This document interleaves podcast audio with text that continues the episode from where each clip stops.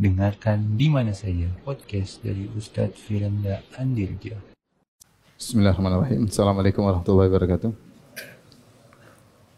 Alhamdulillahi ala ihsani wa syukru lahu ala taufiqihi wa amtinani wa asyhadu an la ilaha illallah wahdahu la syarika lahu ta'ziman li sya'ni wa asyhadu anna Muhammadan abduhu wa rasuluhu da'ila ridwanih. Allahumma salli alaihi wa ala alihi wa ashabihi wa ikhwani hadirin hadirat dirahmati Allah Subhanahu wa taala.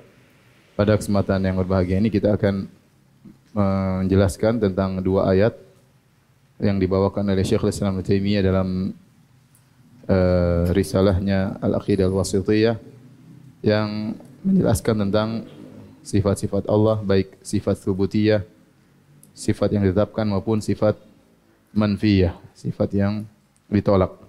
Ayat kedua ayat tersebut yang pertama adalah akhir dari surat Ar-Rahman. Tabarakas. Rabbika.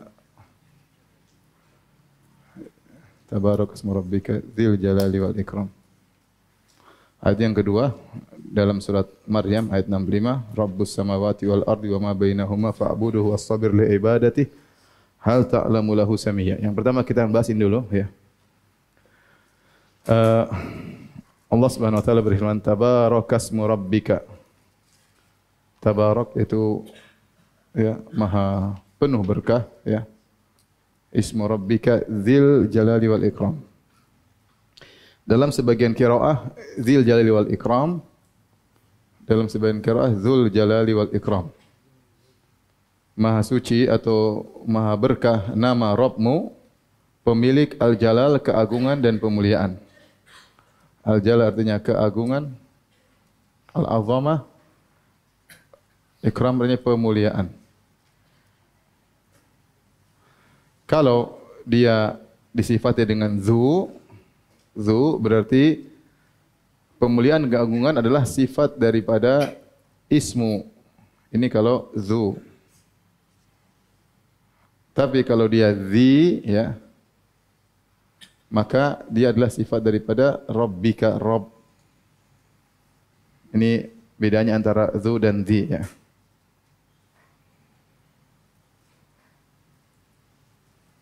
Di dalam sebagian kiroah zi dan sebagian kiroah zu. Kalau zu artinya maka maha berkah nama Robmu namanya yang memiliki keagungan dan pemuliaan. Tapi kalau zi maha berkah nama Robmu yang Robmu pemilik keagungan dan kemuliaan. Jadi untuk yang pertama adalah sifat bagi ism nama Allah yang kedua sifat bagi Rabb ya. Apa yang dimaksud dengan al-jalal wal ikram? Al-jalal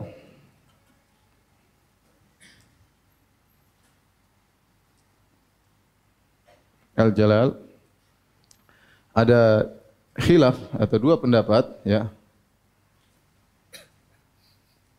Ada yang mengatakan dari uh, dari Jalla Jalaluhu Jalla Jalaluhu ya.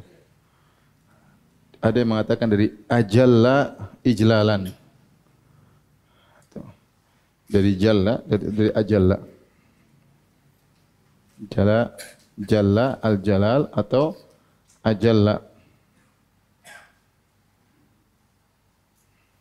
Ajalla atau Jalla. Kalau Jalla berarti dia fi'il lazim ya. Fi'il lazim itu tidak membutuhkan objek.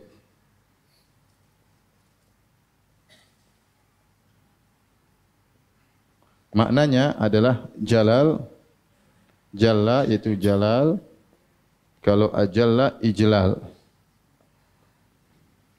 Maknanya adalah uh, an-nihaya fil azamah atau al-ghaya fil azamah, puncak dari al-ghaya fil azamah. Puncak keagungan.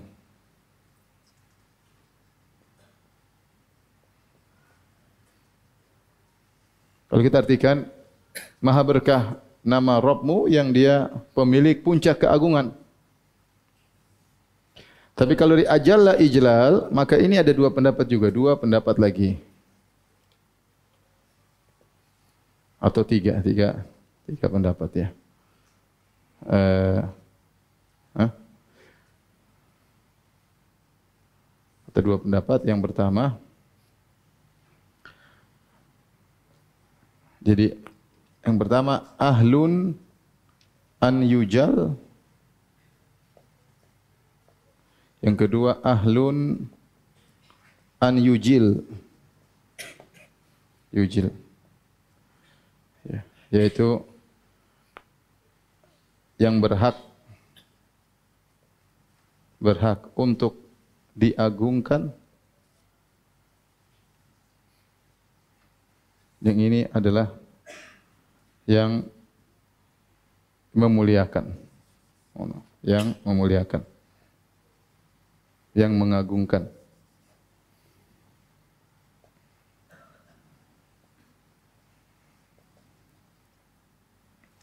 Yang mengagungkan di sini juga ada dua pendapat maksudnya. An yujilla nafsahu. Dia mengagungkan dirinya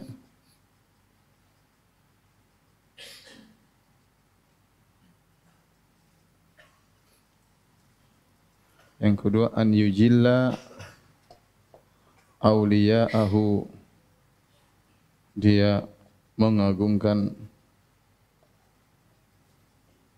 wali-walinya.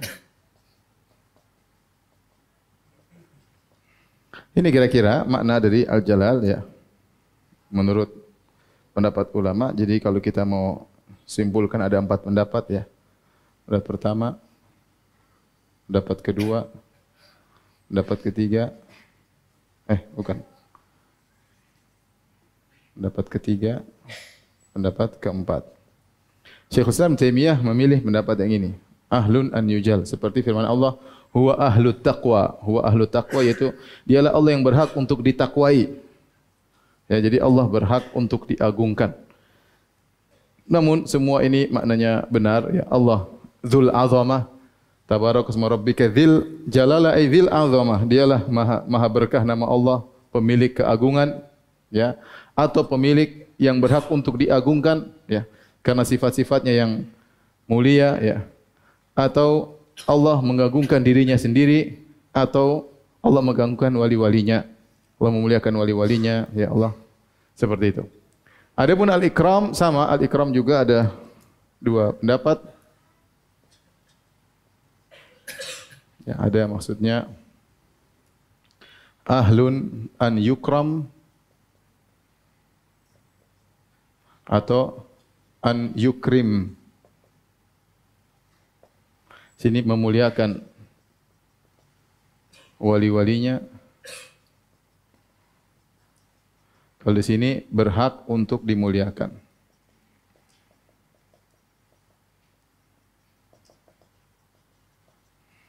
Itu makna zil jalali wal ikram. Ya, zil jalali wal ikram. Dan kita boleh berdoa sambil mengatakan ya zal jalali wal ikram. Ya zal jalali wal ikram. Wahai zat yang memiliki sifat jalal dan memiliki sifat ikram ya. Ya, maknanya seperti ini. Taib. Ini kalau kita maknakan dengan zi, ini semua tadi, ini semua tadi ya. Ini kalau kita maknakan semua dengan apa? Zi. Bagaimana kalau kita maknakan dengan zu? Dengan zu bagaimana? Berarti nama Allah yang agung dan nama Allah yang berhak untuk dimuliakan. Faham? Maka maknanya kalau maknanya zu berarti nama Allah ismullah ahakku an yujal yujal dan wa an yukram itu nama Allah berhak untuk diagungkan dan dimuliakan. Maka tidak boleh seorang main-main dengan nama Allah Subhanahu wa taala, tidak boleh menyebut Allah dengan sembarang nama, ya, tidak boleh jadi bahan candaan, ya, tidak boleh apa namanya? Uh, merendahkan nama Allah karena Allah adalah namanya memiliki agungan ya dan nama Allah berhak untuk dimuliakan. Taib. Adapun tabarak, makna tabarak Apa makna tabarak? Tabarak yaitu dari kata al-barakah. Jadi al-barakah ya. Al-barakah artinya ziyadatul khair wa nama'uhu wa sabatuhu. Al-barakah. Tabarak. Dari al-barakah. Yang artinya ziyadatu al-khair wa nama'uhu wa sabatuhu yaitu tambahan kebaikan. Kalau dibilang sini berkah berarti dia banyak kebaikan. Tambahan atau banyak kebaikan kemudian nama'uhu bertambah kebaikan kemudian sabatuhu menetapnya kebaikan Sebagian ulama mengatakan ini dari al-birkah. Al-birkah itu adalah air yang jumlahnya besar dan dia menetap semacam danau, semacam danau kecil itu namanya al-birkah. Jadi kumpulan air yang banyak menetap. Maka disifati dengan berkah. Kalau berkah berarti kebaikan yang banyak yang menetap. Dan Allah disebut dengan tabarak karena dia adalah wahibul barakah. Allah secara zatnya berkah dan Allah yang berhak menentukan makhluknya mana yang berkah, mana yang yang tidak. Oleh karenanya di antara keberkahan di sini adalah keberkahan ismu. Wa tabarakasmu yang berkah apa nama? Allah Subhanahu wa taala. Maka kalau orang ingin memulai kegiatan hendaknya dia dengan bis bismillah. Karena nama Allah berkah. Karenanya hendaknya ya. Nama Allah mendatangkan keberkahan.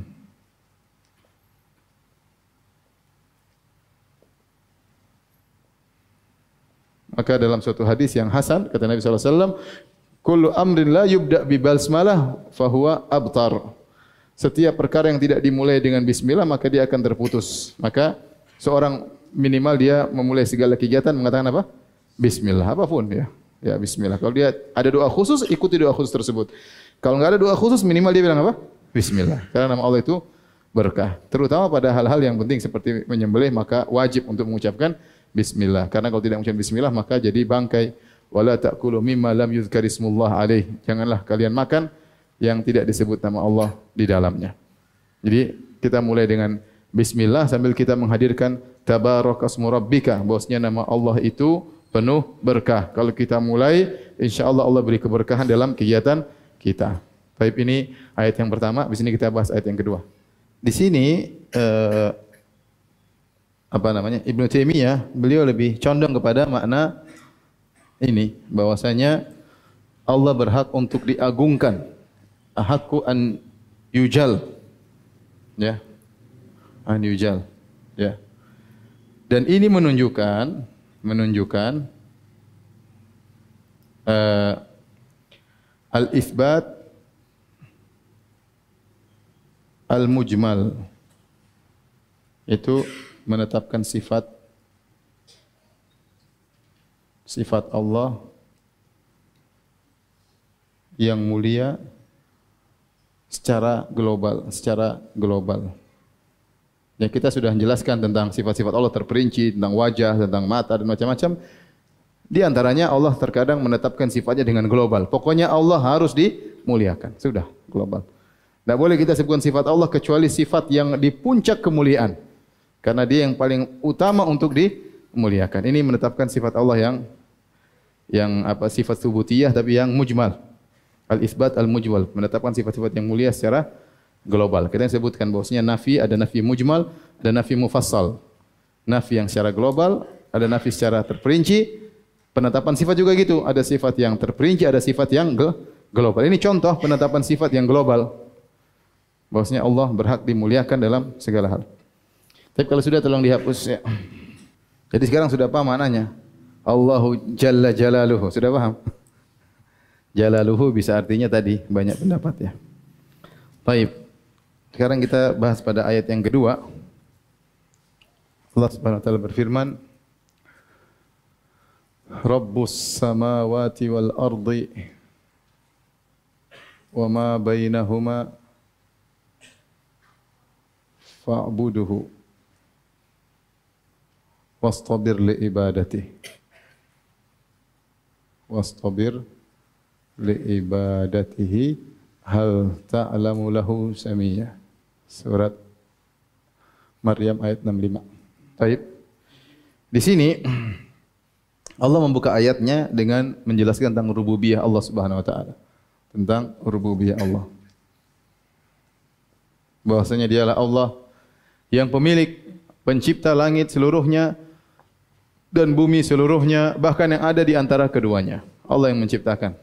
Allah yang pemilik dan Allah yang menguasai. Tidak ada satu makhluk pun yang bersama Allah dalam penciptaan alam semesta, dalam penguasaan dan dalam pengaturan alam semesta. Semuanya Allah sendirian. Ya, mutafarridun bi rububiyyatihi. Allah Maha Esa dalam rububiyah Allah. Kemudian ya Allah mengatakan fa'budu maka ini fa'il artinya maka. Maka sembahlah Allah, sembahlah Ia. Sembahlah Dia. Ya. Dan ini tauhid al-uluhiyah. Artinya hanya Allah yang berhak disembah. Hanya Allah yang berhak disembah. Ini menunjukkan ya, di sini menunjukkan Allah berdalil dengan tauhid rububiyah untuk tauhid uluhiyah. Ini suatu yang sangat logis. Kalau Allah sendiri yang menciptakan langit dan bumi, kalau yang menciptakan alam semesta, Allah yang mengatur, dia yang berhak disembah. Kalau memang ada yang sama seperti Allah, ya sembah tidak apa-apa. Kalau ada yang juga menciptakan langit dan bumi, ya sudah, dia ikut disembah. Tapi siapakah yang bersama Allah menciptakan langit dan bumi? Siapakah yang bersama Allah menguasai alam semesta? Siapakah yang bersama Allah ikut mengatur alam semesta? Tidak ada, cuma Allah sendiri. Karena Allah Maha Esa dalam rububiyah, maka dia sendiri yang harus berhak di disembah. Maka tidak boleh kita berdoa kepada selain Allah, tidak boleh kita menyembelih kepada selain Allah, tidak boleh kita bertawakal kepada selain Allah. Itu semuanya kesyirikan. Itu adalah semuanya kesyirikan. Maka aneh kemudian ada seorang datang ke kuburan kemudian minta kepada mayat bertawakal kepada mayat menyerahkan urusannya kepada wali yang sudah mati. Apa yang bisa dia ciptakan wali tersebut? Ya, apa yang bisa dia ciptakan? Apa yang diatur di alam semesta ini tidak ada yang diatur. Kemudian dia bertawakal kepada wali-wali tersebut, tawakal kepada orang-orang saleh tersebut tidak benar. Yang berhak untuk ditawakali hanya siapa? Allah. Yang berhak untuk disembah hanyalah Allah Subhanahu wa taala. Maka di sini Allah berdalil dengan rububiyah ya untuk uluhiyah. Makanya Allah mengatakan maka Rabbus samawati wal ardi wa ma bainahuma. Allah lah pemilik langit dan bumi dan apa yang di antara keduanya, maka fa'buduhu sembahlah dia. Semata, tidak boleh sembah yang yang lain. Kemudian kata Allah Subhanahu wa taala, Hal ta'lamu lahu samiyya wastabir li ibadatihi bersabar dalam menyembahnya. Hal ta'lamu lahu samiyya kata Allah hal ta'lamu lahu apakah kau tahu?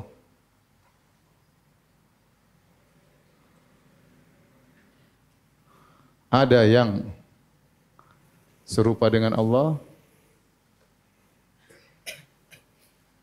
Samiyah ini ada dua tafsiran. Tafsiran pertama adanya apakah kau tahu ada yang namanya seperti nama Allah? Dan tafsiran lebih tepat apakah kau tahu ada yang musammiyan lillah? Apakah ada kau tahu ada yang sama dengan Allah serupa dengan Allah?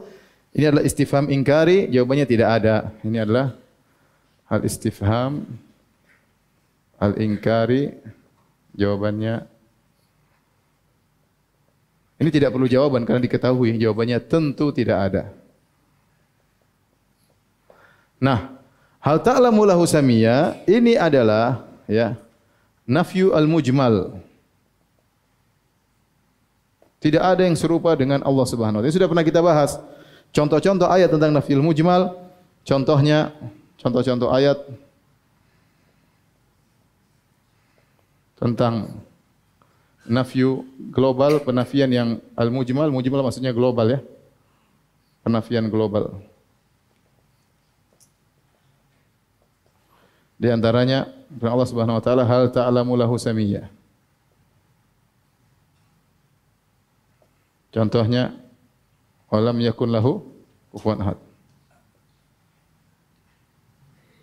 Tidak ada serupa sesuatu pun yang serupa dengan dia. Contohnya firman Allah Subhanahu wa taala fala tadribu lahul amsal.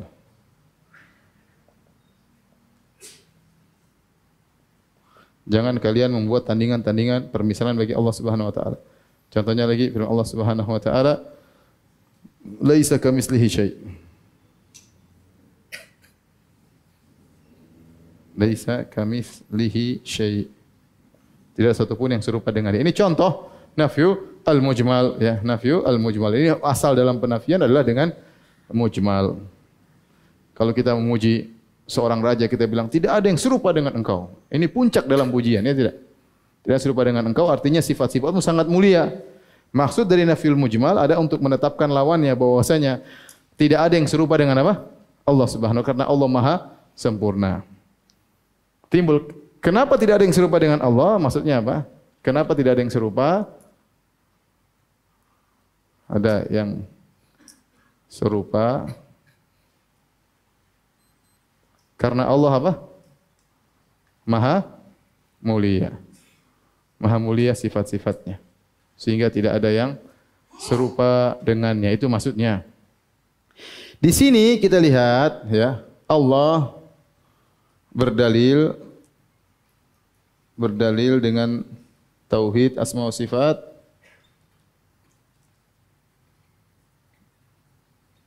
untuk menekankan menekankan tauhid uluhiyah. Tauhid uluhiyah. Tauhid uluhiyah. Jadi Allah membuka dengan tauhid rububiyah, terus Allah menyebutkan tauhid uluhiyah, ya. Kemudian Allah kuatkan dengan apa? Tauhid asma wa sifat. Penekanannya adalah fa'buduhu.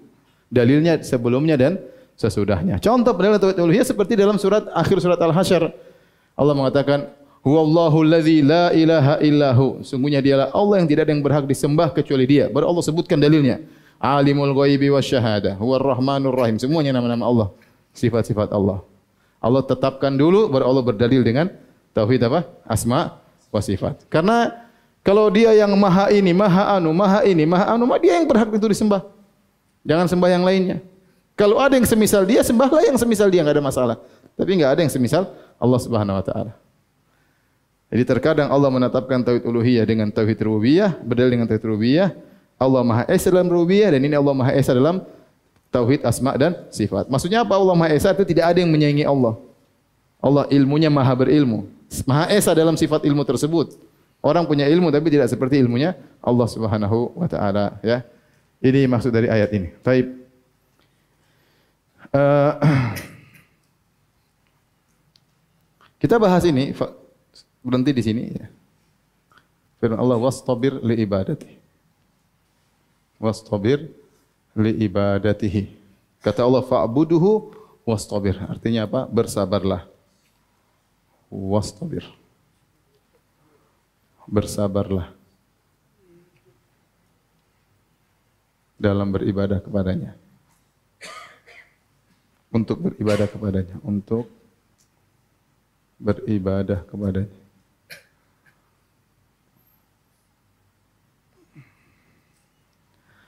Wasabir dari ta wastabara tetapi orang Arab susah mengatakan wastabara karena sad sudah bengkok akhirnya wastabara. Jadi boleh wastabara dengan wastabara untuk memudahkan pengucapan.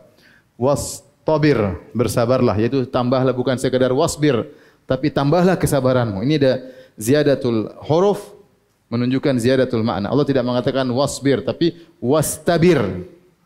Jadi wastabir yaitu tambahkanlah apa? derajat kesabaranmu. Kalau kita mengartikan itu tambahkan derajat kesabaranmu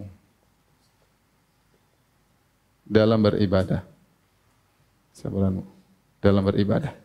Karena kenyataannya memang ibadah butuh kesabaran. Ibadah butuh dengan kesabaran.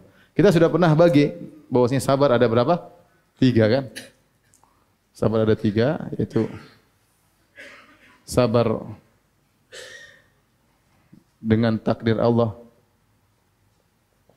Allah atau yang menyedihkan maksudnya tentang musibah. Ada juga sabar dalam meninggalkan larangan Allah. Sabar dalam meninggalkan larangan Allah.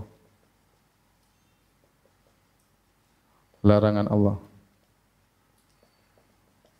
kalau bahasa Arabnya as-sabru an maksiatillah. As-sabru an maksiatillah. Ini juga butuh kesabaran. Kalau ini as-sabru ala aqdarillah. Ala aqdarillahi al-mu'limah. Yang ketiga adalah sabar sabar dalam menjalankan ketaatan. Ketaatan.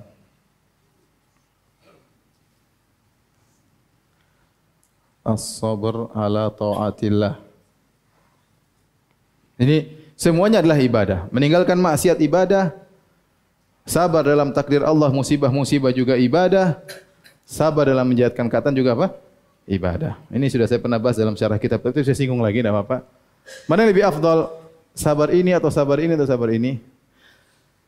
Secara jenis, secara jenis, dua sabar ini lebih mulia daripada sabar yang ketiga. Kenapa? Karena sabar ini adalah sabar ittirari, ini sabar ikhtiari. Ya. Kalau kita mau katakan kedua jenis ini adalah as-sabr al-ikhtiyari. Itu pilihan. Sabar memilih sabar. Sabar pilihan. Ini sabr al-ittirari. Sabr al-ittirari yaitu sabar terpaksa. Kita enggak bisa udah ada musibah sakit mau diapain? Enggak ada pilihan lain. Enggak ada pilihan lain. Maka dia sabar apa? Terpaksa. Secara jenis dua ini lebih afdal daripada ini. Ada ini sabar pilihan. Misalnya kita dengar azan, as-salatu khairum minan naum. Kita punya pilihan. Bangun wudu ke masjid atau tidur lagi. Ada pilihan enggak? Ada pilihan. Sama kita as-sabr ala ma'an ma'siyati, sabar ma'siyatillah kita lihat film atau YouTube ada film sabar mau klik atau enggak kan kita pilihan kan? Ya enggak? Coba sedikit. kita yang milih. Jadi sabarnya pilihan. Sabar mening pilih mau meninggalkan atau enggak kita memilih. Tapi kalau ini kita tidak tidak milih. Maka secara jenis, secara jenis dua sabar ini lebih afdal daripada sabar ini. Oleh karenanya kata para ulama Nabi Yusuf alaihissalam tatkala diuji dengan Zulekha lebih besar pahalanya daripada tatkala dilemparkan dalam sumur atau di penjara. Kenapa dilempar dalam sumur enggak ada pilihan? Ya udah lempar sumur selesai mau diapain. Tapi kalau diuji dengan Zulekha, dia punya pilihan berzina atau tidak? Dia punya pilihan berzina atau atau tidak? Maka kesabaran Nabi Yusuf tatkala digoda oleh Zulekha itu lebih afdal daripada kesabaran tatkala dilempar dalam apa? Sumur karena dia tidak punya pilihan. Ini secara jenis, tetapi secara ahadihi secara prakteknya belum tentu. Terkadang orang diuji dengan musibah sangat besar. Oleh karenanya Allah memuji Nabi Ayub karena dia diuji dengan sabar ittirari. Kata Allah Subhanahu wa taala apa namanya? Uh, inna wajidnahu sabiran. Ni'mal abdu innahu awwab. Kami dapati Ayub bersabar diuji dengan penyakit. Ni'mal abdu sebaik-baik hamba. Dari jenisnya memang dia kurang sabar menerima penderitaan memang sedikit, tapi itu penderitaan yang sangat apa? Besar. Sama seperti seorang diuji, ya. Tentu mana diuji? Diuji bersabar puasa sunnah atau diuji tatkala anaknya meninggal dunia? Mana lebih besar? Anak lebih berat. Secara jenis iya, secara jenis ujian menjalankan puasa itu sabar ikhtiari. Dan ini sabar ittirari, tetapi tatkala kita sudah pada praktek satu persatu ini lebih besar. Contoh seperti saya mengatakan bid'ah secara jenis lebih baik daripada maksiat, lebih parah daripada maksiat. Tapi tidak semua bid'ah lebih parah dari maksiat. Ada bid'ah kecil dibandingkan zina ya besaran apa? Zina itu maksudnya seperti itu. Berarti seorang yang anaknya diambil berat. Makanya Allah berkata kepada para malaikat, "Hal qabattum walada abdi? Kalian sudah mengambil anak hambaku? Hal qabattum samarata fuadi? fuadihi kau sudah mengambil buah hati hambaku. Kata para malaikat na'am ya rab. Iya benar. Madza qala abdi? Apa yang dikatakan hambaku? Hamidaka wastarja kata para malaikat. Hambamu memujimu dan mengatakan inilah wa inna ilaihi rajiun. Berat.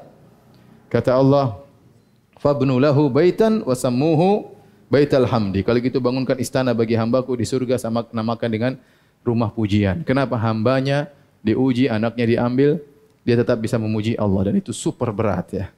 Jadi kalau secara jenis, secara jenis memang ini lebih utama, tapi kalau secara praktek terkadang ini lebih afdal daripada yang ini. Ini dari, antara ini dengan ini. Sekarang berikutnya, antara ini dengan ini mana yang lebih afdal secara jenis? Taat atau meninggalkan maksiat? Tergantung. Ya kalau tergantung semuanya tergantung. Tapi secara jenis ada khilaf. Antum mau maksa yang bilang khilaf. ada khilaf. Ada yang ketaatan lebih sabar dalam ketaatan lebih utama. Kenapa? Karena ketaatan itu yang dimaksud oleh Allah ya. Ya adapun sabar meninggalkan maksiat itu bukan sesuatu yang dimaksud oleh Allah Subhanahu wa taala ini sisi pandangan tapi intinya uh, dua-duanya namanya kesabaran terkadang sabar meninggalkan maksiat lebih berat daripada sabar menjalankan ketaatan misalnya seorang menjalankan ketaatan misalnya apa uh, umroh atau haji atau berbakti kepada orang tua menjalankan ketaatan kalau orang tuanya ternyata sudah jompo cerewet marah-marah berat berat ya Terus meninggalkan maksiat, digoda. Digoda sama cewek enggak pengaruh. Tapi kalau ceweknya cantik, kaya raya, tinggal depan rumah misalnya, wah itu berat. berat. Jadi ya, ya dua-duanya berat lah. Dua-duanya apa? Berat. Dua-duanya berat. Taib. Sekarang kita bahas fokus pada ini.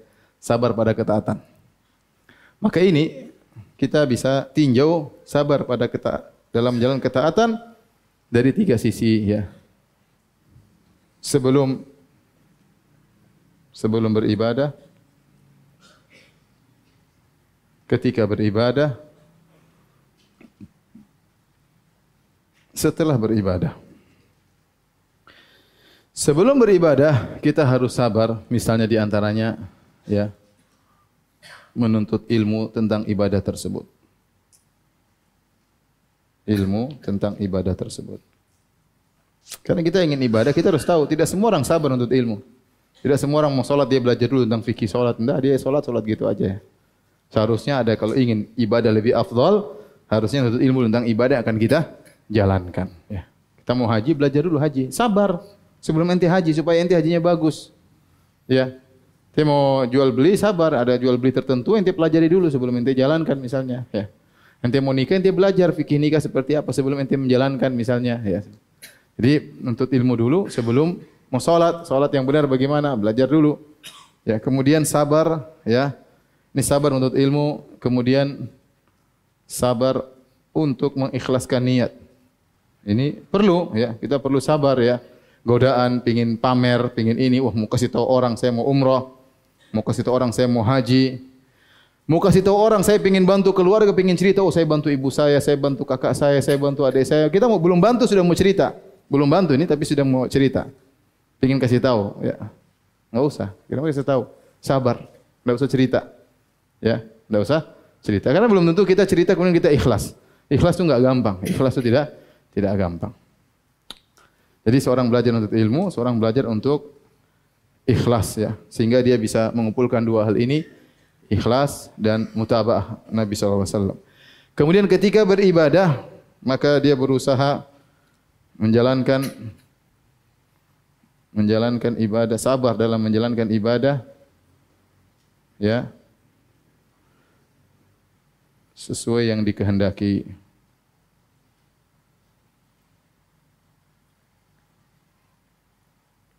tidak mudah ya kita kebanyakan beribadah bukan sesuai dengan dikehendaki Allah tapi ingin melepaskan beban Orang ingin solat, solat yang Allah ingin gimana? Solat Allah itu ingin kita khusyuk, tapi kita selesai, ingin segera ya.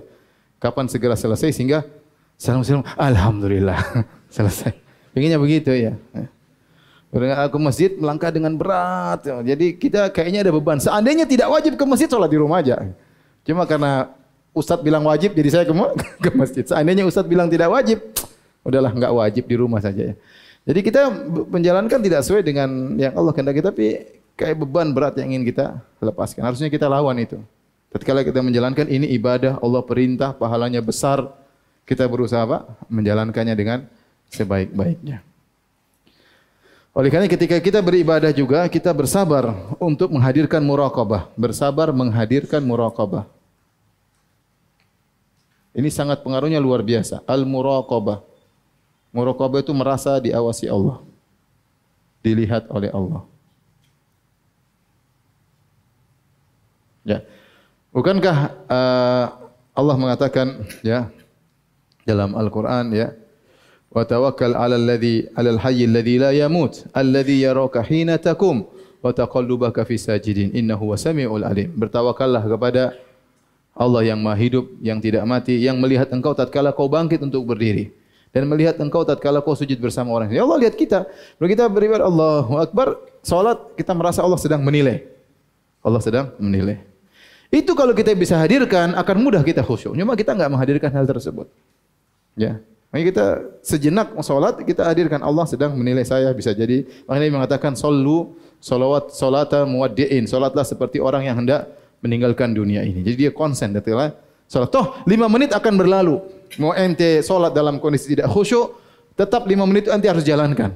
Mau imamnya lama enggak lama ente jengkel-jengkel, imam tetap aja, imam tetap aja baca di situ ya. Ya. Mau apa lagi? Ya sudah. Kalau gitu hadirkan bahwasanya Allah sedang melihat saya beribadah. Itu akan mengaruhi kualitas ibadah kita luar biasa pengaruhnya. Itu harus kita latih ya. Pagi-pagi jam 9 salat duha. Allah Allah lihatnya Allah. Sudah. Jangan sekedar Allah. Tidak, kita menghadirkan dalam diri kita derajat ihsan. Yang kata kata Nabi wasallam, "Anta budallaha ka'annaka tarahu fa illam takun tarahu fa innahu yarak." Dan ini kau beribadah seakan-akan kau melihat Allah kalau kau tidak mau yakinlah Allah melihatmu. Apa maksudnya kau melihat Allah seakan-akan kau lihat keagungan Allah di hadapanmu. Kalau kau tidak mau menghadirkan keagungan, yakinlah Allah sedang melihatmu. Dua derajat. Derajat pertama mungkin tidak bisa. Derajat kedua insya Allah kita bisa merasa Allah sedang melihat melihat kita. Dan itu kita apa saja. Dan kalau kita sudah merasa lihat Allah, insya Allah mudah. Misalnya, antum berbuat baik sama istri. Mungkin istri melakukan kesalahan. Antum tahu ada ibadah memaafkan istri. Allah sedang lihat saya. Saya maafkan apa? Istri. Ya sudah. Ente mudah menjalankannya. Karena ente tahu sedang dinilai oleh Allah. Ya. Ente tahu kalau ente ngomong gini ribut tambah. Ya sudah. Kita tenang. Kenapa Allah sedang melihat saya melakukan ini? Orang lain enggak ada yang lihat. Enggak usah ente tulis di status. Saya sabar sama istri lo. Enggak usah. Enggak perlu. Enggak perlu penilaian orang. Netizen Nah perlu ya. Ya. Netizen apa citizen ya? Kemudian kita apa-apa sedikit ingin dilihat orang. Itu mudah. Jadi misalnya saya, saya dakwah. Saya harus merasa bahwa Allah sedang melihat saya ceramah. Saya berusaha menyampaikan dengan sebaik-baiknya. Saya ingin mencari keridhaan Allah Subhanahu Wa Taala. Dan itu berat. Tetapi saya harus berusaha untuk menghadirkan demikian. Sehingga kualitas ibadah saya dalam berdakwah lebih bernilai di sisi Allah Subhanahu Wa Taala. Semua dalam ibadah apapun untuk haji, untuk umrah, untuk menghadirkan muraqabah. Allah sedang melihat saya sedang beribadah. Dan ini butuh kesabaran ketika kita sedang beribadah. Tapi setelah beribadah juga butuh kesabaran. Ya. Sabar apa? Jangan sampai ya. Sabar untuk tidak terjerumus dalam pembatal.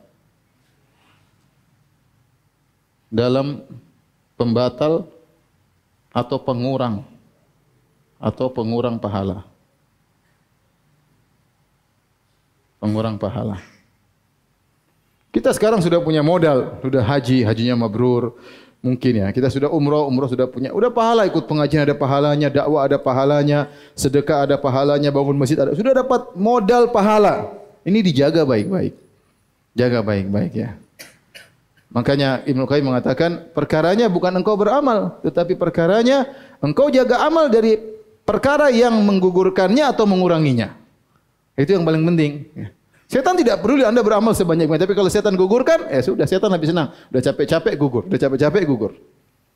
Jadi kita konsentrasi untuk bisa bersabar sebelum dan ketika dan juga konsentrasi tatkala setelah apa? Beribadah. Ya. Sabar. Sabar untuk misalnya sudah sedekah, jangan man wal azab. Kata Allah, Ya ayuladina amanu la tubutilu sadaqatikum bil manni wal adha. Wahai orang beriman, jangan kau batalkan sedekahmu dengan menyebut-nyebut dan menyakiti orang yang yang kau bantu. Jangan. Jangan. Kita sabar. Mungkin dia bikin jengkel, kita sabar. Kita ngomong sakit hatinya, pahala kita gugur. Capek kita sudah berusaha. Ya. Ria, ya, hati-hati. Ujub bisa mengugurkan amal.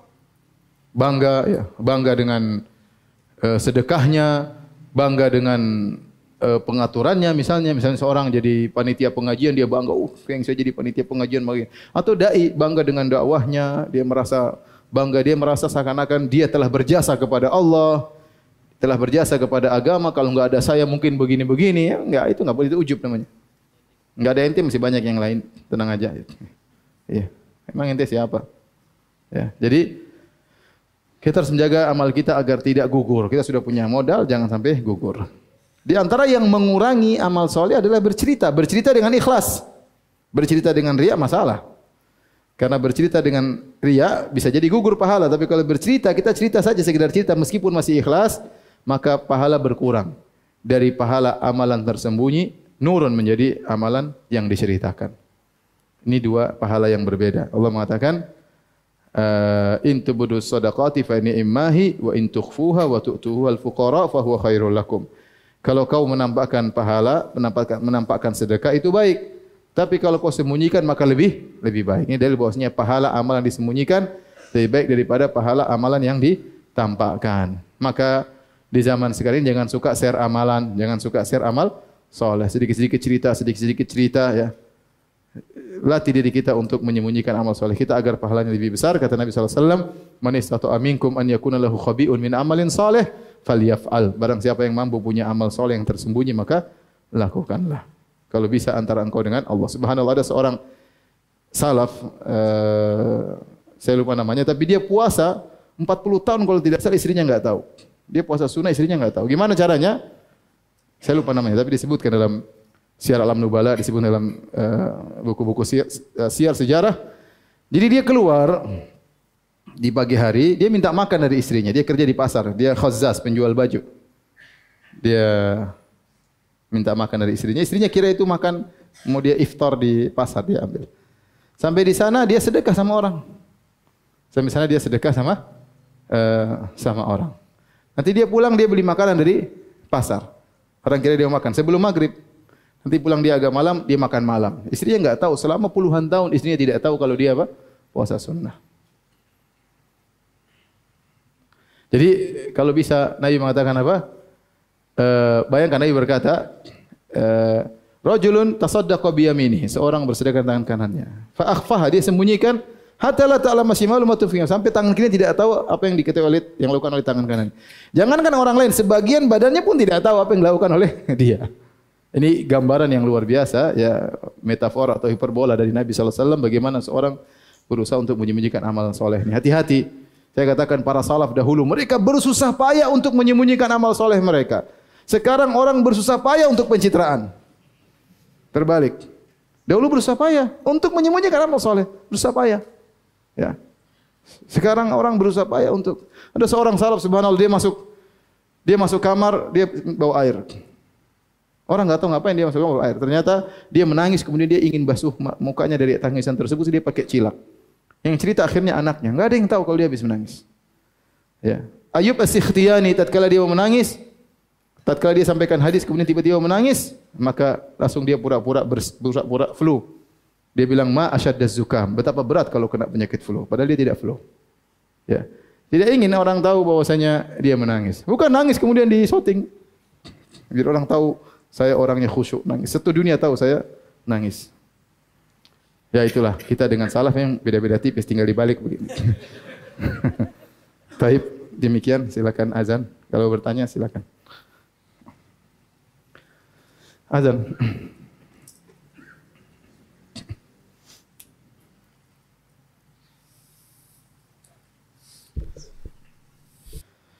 Uh, berikut pertanyaan-pertanyaan yang masuk ya. Di antaranya apakah disebut manan menyebut kebaikan menyebut kebaikan jika orang tua mengingatkan kebaikan kepada anak dengan harapan anak jadi bersyukur atau berbakti. Jadi yang dilarang adalah menyebut-nyebut dalam rangka untuk menyakiti orang yang kita bantu. Adapun sekedar untuk mengajarinya agar dia tidak uh, kufur nikmat, agar dia tidak menjadi orang yang tidak bersyukur, maka sebenarnya membolehkan. Contohnya seperti dalam hadis uh, hadis Abu Zara waktu Aisyah radhiyallahu taala anha bercerita tentang kisah Abu Zara bagaimana Abu Zara baik kepada Ummu Zara? Maka di akhir hadis Nabi komentar terhadap Aisyah. Kata Nabi SAW kuntu laki ka Abi Zara li Ummi Zara. Walakinni la utallik aku ini seperti kepada engkau wahai Aisyah seperti baiknya Abu Zara kepada Ummu Zara. Bedanya aku tidak mencerai engkau mencerai. Sebagian ulama seperti Ibnu Mulakin menyebutkan ini dalil bahwasanya boleh seseorang mengingatkan kebaikannya kepada istrinya agar istrinya tidak kufur nikmat. Bukan untuk menyakitinya tidak. Tapi ingatkan agar dia pandai bersyukur kepada suaminya. Karena itu dalam rangka untuk mendakwahi dia agar dia tidak terjerumus dalam dosa besar. Di antara dosa besar adalah kufranul ashir yaitu kufur kepada suami. Bukankah Nabi sallallahu alaihi wasallam mengatakan ya ma'syaran nisa tasaddaqna fa inna kunna aktsara hatabi jahannam. Wahai para wanita bersedekahlah karena kalian banyak penghuni neraka jahanam. Seorang wanita berkata, "Lima ya Rasulullah, kenapa kita banyak wanita penghuni neraka jahanam?" Kata Nabi, "Li anna kunna takfurnal ashir." Karena kalian suka kufur kepada suami, yaitu lupa dengan kebaikan suami. Maka tidak mengapa seorang suami mengingatkan kebaikan kepada istrinya bukan untuk menyakiti hatinya, bukan.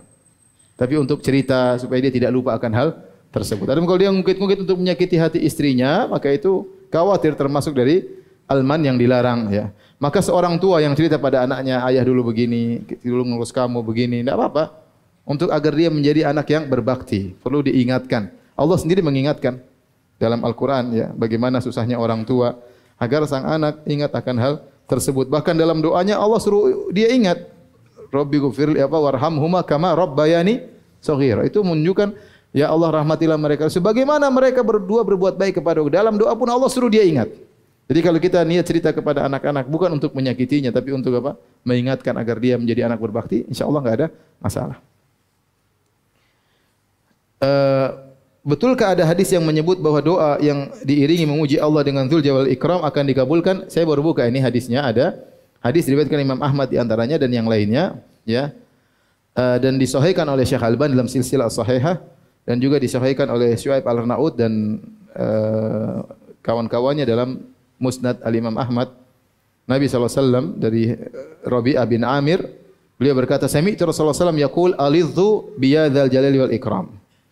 Ya.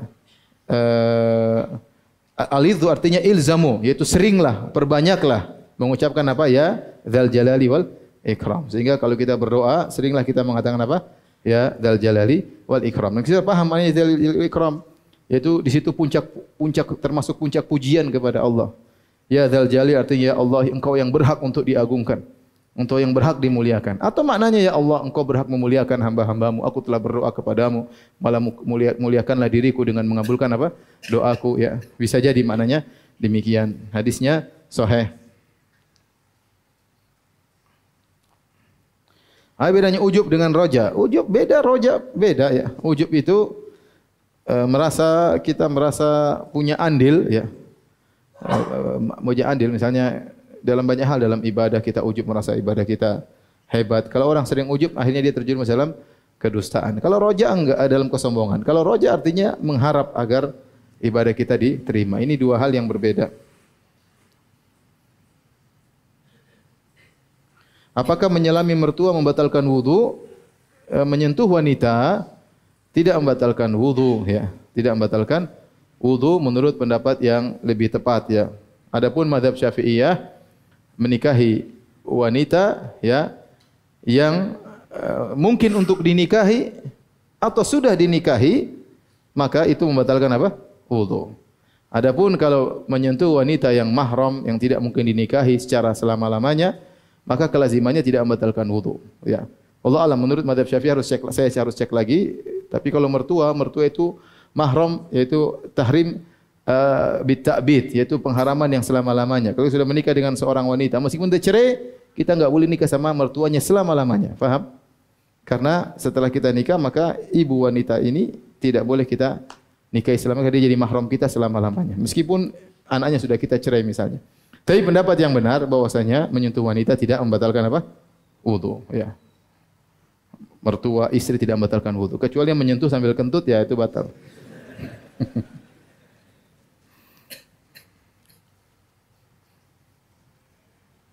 Jika istri melakukan kesalahan yang enggak disadari dan suami tidak suka, lalu suami memukul istrinya, apakah itu hak suami atau suami bisa berdosa? Ya, suami jangan jadi tukang pukul ya. e, kalau istri lihat istri punya kesalahan nasihati. Pukul itu adalah e, cara yang terakhir ya. Allah menyebutkan faiduhunna eh, wahjuruhunna fil madaji wadribuhun nasihati dulu. Kemudian baru memboikot, baru pukul yang terakhir. Bukan langsung istri saya langsung main apa? Main pukul. Nasihati, panggil nasihati baik-baik. Kalau dia tidak mengikuti aturan bisa jadi dia salah. Setiap istri salah langsung mukul, langsung mukul bisa jadi dia berdosa.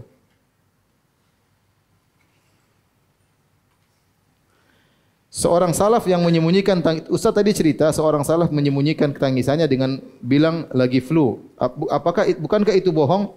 Dia tidak berbohong. Dia tidak bilang saya sedang flu. Lihat para salaf bagaimana. Dia mengatakan ma asyaddaz zukam. Zukam itu flu itu berat. Itu aja dia ngomong. Dia tidak bilang saya sedang flu. Dia bilang flu itu berat. Selesai. Yang lebih parah sudah tidak beramal soleh berbohong seakan-akan dia beramal soleh. Ini lebih parah lagi. Ini riak plus, riak plus bohong ya. Sifatnya orang munafik ya. ya.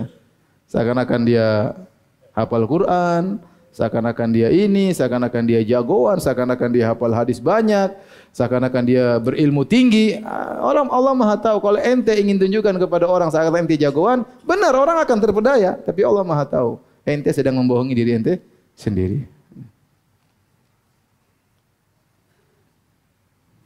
Ada ulama yang berpendapat bahwa jika orang tua penghasilannya haram, maka sepanjang anak belum mendapat pekerjaan, nafkah tersebut halal bagi anak karena akadnya telah berubah ataupun telah terpaksa menerima. Ya ada pendapat demikian bahwasanya jika bukan semua anak istri, istri dan anak misalnya suaminya uh, memiliki penghasilan riba. Sementara dia tidak mungkin terlepas dari ketergantungan kepada suaminya, maka uh, para ulama sebagian ulama mengatakan boleh dia mengambil hasil dari tersebut yang berdosa adalah suaminya, dia boleh ambil tapi sebatas keperluannya saja. Tidak boleh dia suaminya hasil riba kemudian dia minta dibelikan mobil, dibelikan macam-macam, dibelikan emas bertambah enggak boleh. Secukup dia makan, anaknya cukup buat sekolah itu aja karena ini darurat. Apa? Darurat. Itu pendapat yang saya pernah baca dan saya condong pada pendapat tersebut.